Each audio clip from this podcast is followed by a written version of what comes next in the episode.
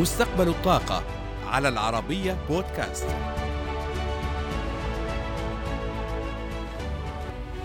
الحديد هو المعدن الأكثر استخداما في مختلف الصناعات. بل هو أساس الثورة الصناعية الحديثة. لكن كما يواجه النفط والغاز ضغوطا متزايدة في السنوات الأخيرة كذلك صناعة الحديد الصلب تتجه الأنظار إلى دورها الكبير في الأزمة المناخية العالمية. الطريقة التقليدية لصهر الحديد ترسل في الأجواء كميات هائلة من الغازات الملوثة لدرجة أن صناعة الحديد تعد أكبر مصدر لثاني أكسيد الكربون خارج قطاع الكهرباء وتستأثر وحدها بما يتراوح بين 7 و 9% من الانبعاثات المباشرة الناجمة من الوقود الأحفوري وفقا لجمعية الحديد العالمية. ولتحقيق الأهداف العالمية للمناخ والطاقة على صناعة الحديد الصلب أن تخفض انبعاثاتها إلى النصف على الأقل بحلول منتصف القرن الحالي وفقا لوكالة الطاقة الدولية. ثم تواصل تخفيضها إلى الصفر بعد ذلك. إلا أن إحداث التغيير ليس مهمة سهلة في صناعة ضخمة يصل حجم إنتاجها إلى ملياري طن سنوياً. واحد أو وأحد العوائق هو حجم الاستثمارات المطلوبة والذي قد يصل إلى مئات مليارات الدولارات. إذ ليس من السهل توفيرها في وقت يواجه فيه القطاع من فائض مزمن في الإمدادات وتقلب في مستويات الربحية. كثيرون في الصناعة يعتقدون أن المستقبل الواعد لحل مشكلة التلوث فيها يكمن في استخدام وقود الهيدروجين النظيف لإنتاج ما يسمى بالصلب الأخضر لكونه يحترق من دون انبعاثات كربونية. لكن لا تزال هناك مشكلتان. الأولى هي ارتفاع تكلفة إنتاج الهيدروجين إذ لا يزال من الأوفر لشركات الصلب شراء شهادات الكربون بدلاً من استخدام الهيدروجين النظيف كوقود. ويقدر جولدمان ساكس أن الهيدروجين لن يكون مجديا اقتصاديا إلا إذا وصل سعر شهادة طن ثاني أكسيد الكربون إلى 220 دولارا أي أكثر من خمسة أضعاف السعر الحالي. المشكلة الأخرى أن إنتاج الهيدروجين الأخضر يتطلب زيادة هائلة للطاقة الكهربائية من المصادر المتجددة. على سبيل المثال تحتاج ألمانيا إلى زيادة الطاقة المتجددة بما يعادل 20% من استهلاكها الحالي للكهرباء لتحويل قطاع الحديد إلى ما يعرف بالحديد المختزل أو DRI Direct Reduced Iron. لذلك ربما يكون الحل الأكثر واقعية التوسع في اعتماد مفهوم اقتصاد الكربون الدائري الذي يتيح احتجاز الكربون وتخزينه وتدويره وإعادة استخدامه. يساهم النقل بكافة أنواعه بنحو 23% من الانبعاثات المسببة للاحتباس الحراري حول العالم ومن المتوقع أن ترتفع إلى 30% خلال العقد المقبل فكيف سيساعد التحول في هذا القطاع إلى الغاز والهيدروجين والكهرباء في الحد من الانبعاثات؟ الهيدروجين النظيف وقود بديل مثالي من وجهة النظر البيئية فاحتراقه لا يصدر أي انبعاثات دفيئة لكن المشكلة تبقى في التكلفة المرتفعة لإنتاج الهيدروجين الأخضر وحتى الهيدروجين الأزرق مقارنة مع الوقود التقليدي والطاقة المتجددة. لذلك يبدو الأفق أمام السيارات الكهربائية أوضح مما هو أمام السيارات التي تعمل بالهيدروجين.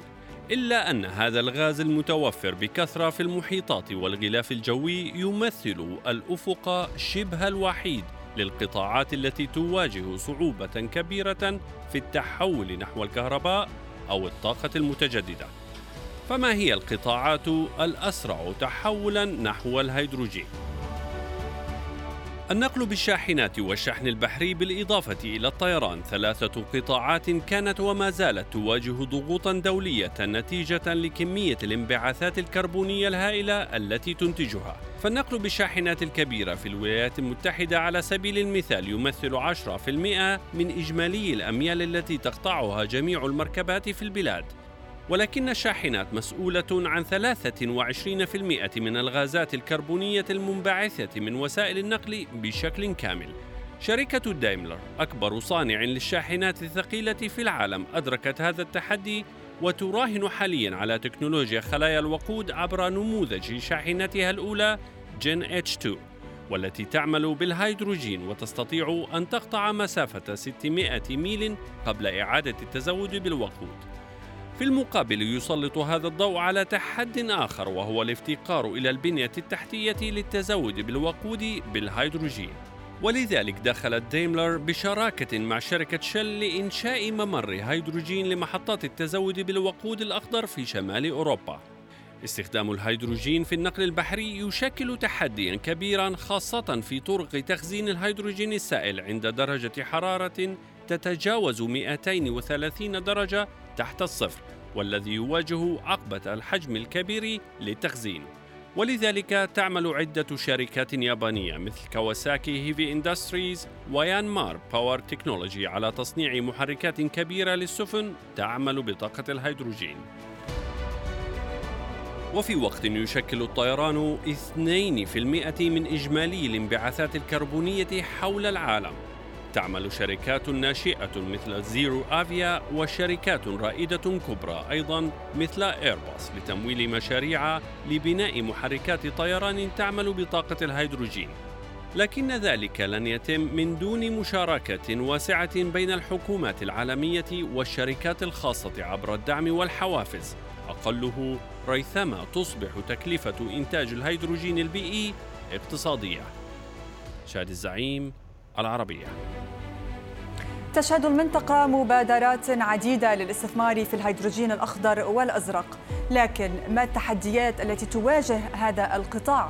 ومتى يمكن أن يكون مجديا تجاريا؟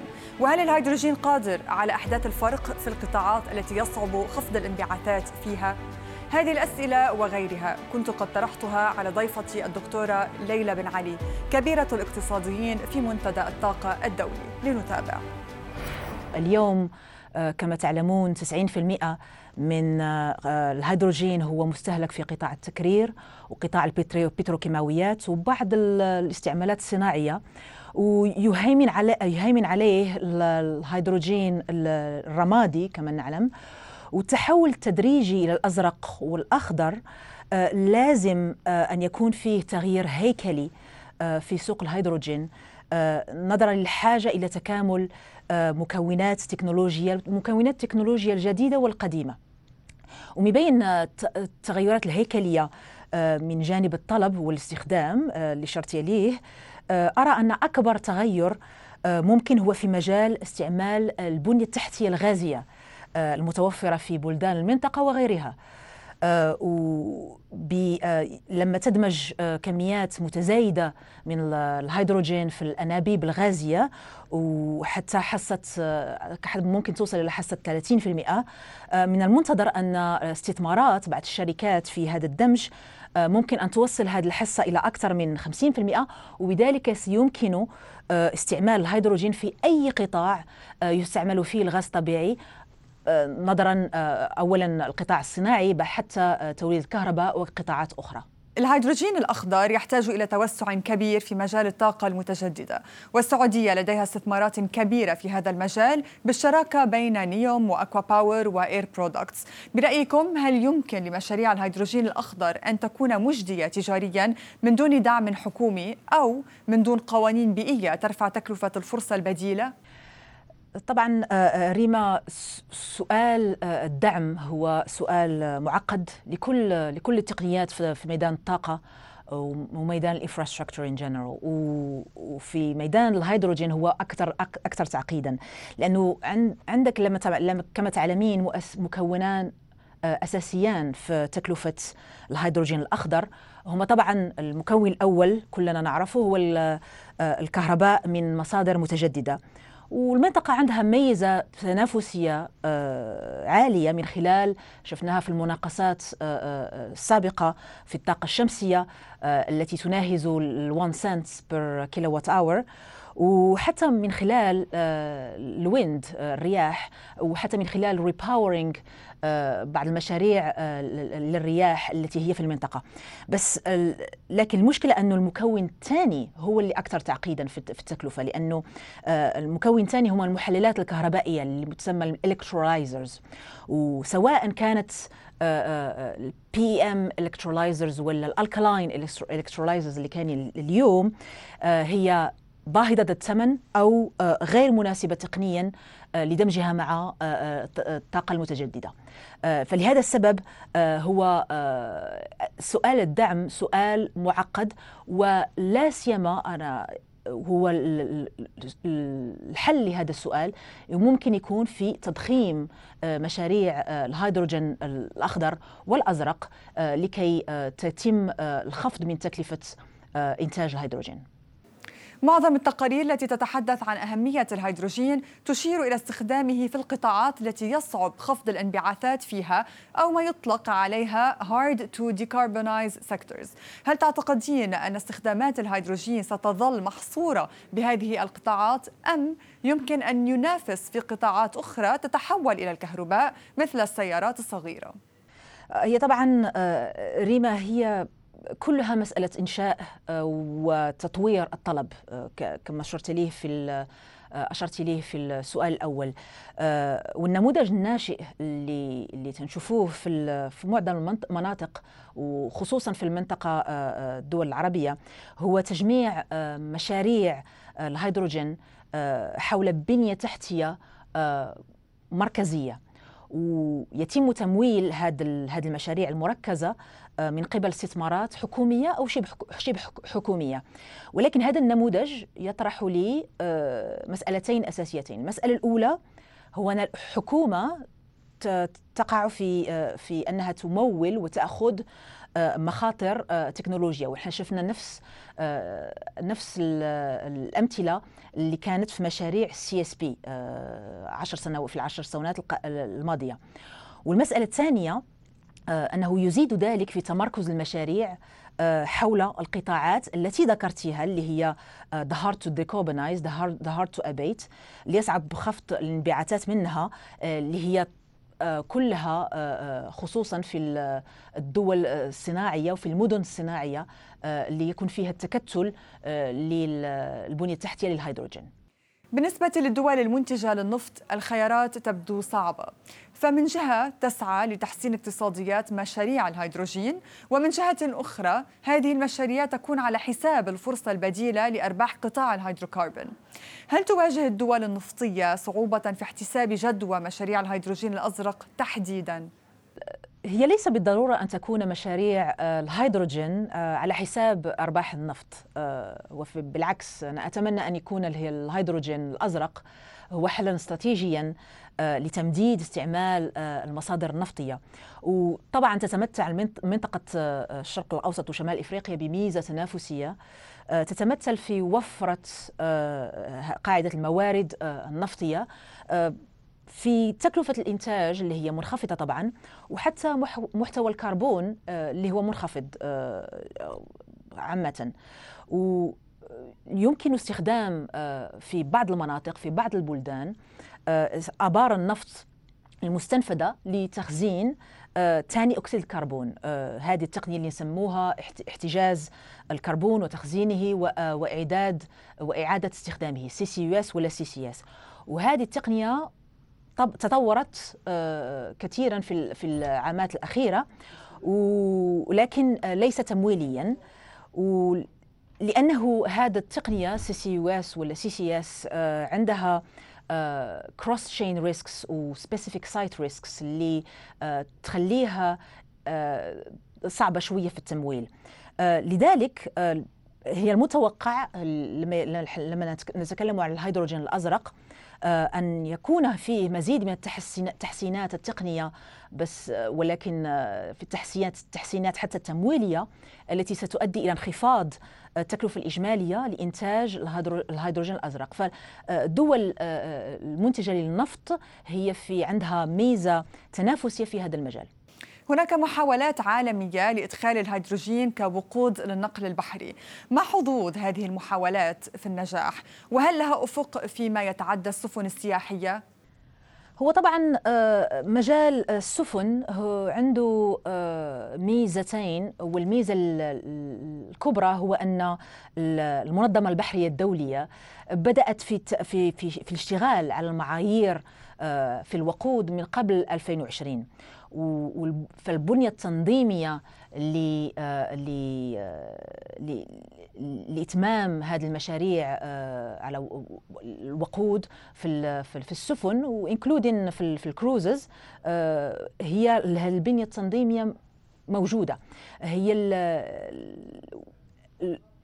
السبب اللي حيكون اللي سوف يمكن الهيدروجين أن يكون آه، منافسا لوقود آه، آخر ولا ان يكون محمل آه، في الأمونيا هو البنية التحتية. again نرجع للبنية التحتية. البنية التحتية لازم ان تكون موجودة في قرب المناشئ وقرب قرب الشواطئ في في البلدان التي تستعمل السفن التي هي حتكون موقوده بال بالامونيا ولا بالهيدروجين as carrier دكتورة ليلى الحلول المتوفرة لتخزين الهيدروجين ونقله من خلال تحويله إلى الأمونيا هل هي حلول عملية ومنافسة على المستوى التجاري أم أن تكلفتها ومخاطرها ما زالت مرتفعة؟ هو نقل الهيدروجين على بالأمونيا هو يعني حل عملي. التقنية أنه إذا كان ممكن هو الهيدروجين اليوم ك إذا تفضلتي الغاز الطبيعي في السبعينات. إذا كان بإمكاننا أن ننقص من تكلفة النقل آه، إذا ما فيه أنه آه، نستعمل تقنيات متطورة لنقص تكلفة النقل هو ممكن آه، في المدى المتوسط والمدى الطويل خفض تكلفة الهيدروجين تكلفة نقل الهيدروجين سواء بالأمونيا ولا غيره. سو so, هي الأمونيا هي حل من من الحلول العملية اليوم ومن المنتظر أن يكون فيه آه، آه، نقص في التكلفة لما يكون فيه تضخم في ال في ال في السوق آه، سوق الهيدروجين. دكتورة ليلى كوب 26 على الأبواب. ما هي الأجندة الملائمة لدول الخليج لتحول قطاع الطاقة التي من الممكن أن تطرحها خلال المؤتمر من دون التأثير على النمو الاقتصادي والإيرادات الحكومية بشكل كبير؟ وما هي توقعاتكم أيضا للدول الكبرى؟ شكرا ريبا هذا سؤال آه، جد جد important آه، هو أتيحت لنا الفرصة آه، أن ننضم لاجتماع وزراء الطاقه والمناخ في نيبلز هذه أسبوعين في جولاي وحضوريا. وهناك اللي شفناه أنه فيه فرق كبير في الاحتياجات الوطنية. ما بين الدول وهذه الاحتياجات زادت مع جائحة الكورونا. وأبعادها الاجتماعية والاقتصادية وفي هذا النطاق آه، آه، من من الأشياء التي من اللازم أن نطرح عليها من دول المنطقة ولا من خارج دول المنطقة آه، تكلفة الطاقة. وكم حيكون تكلفة الطاقة على الاقتصاد؟ طبعا بحث على العائلات وعلى الأسر التي هي تحاول تجتاح جائحة الكورونا.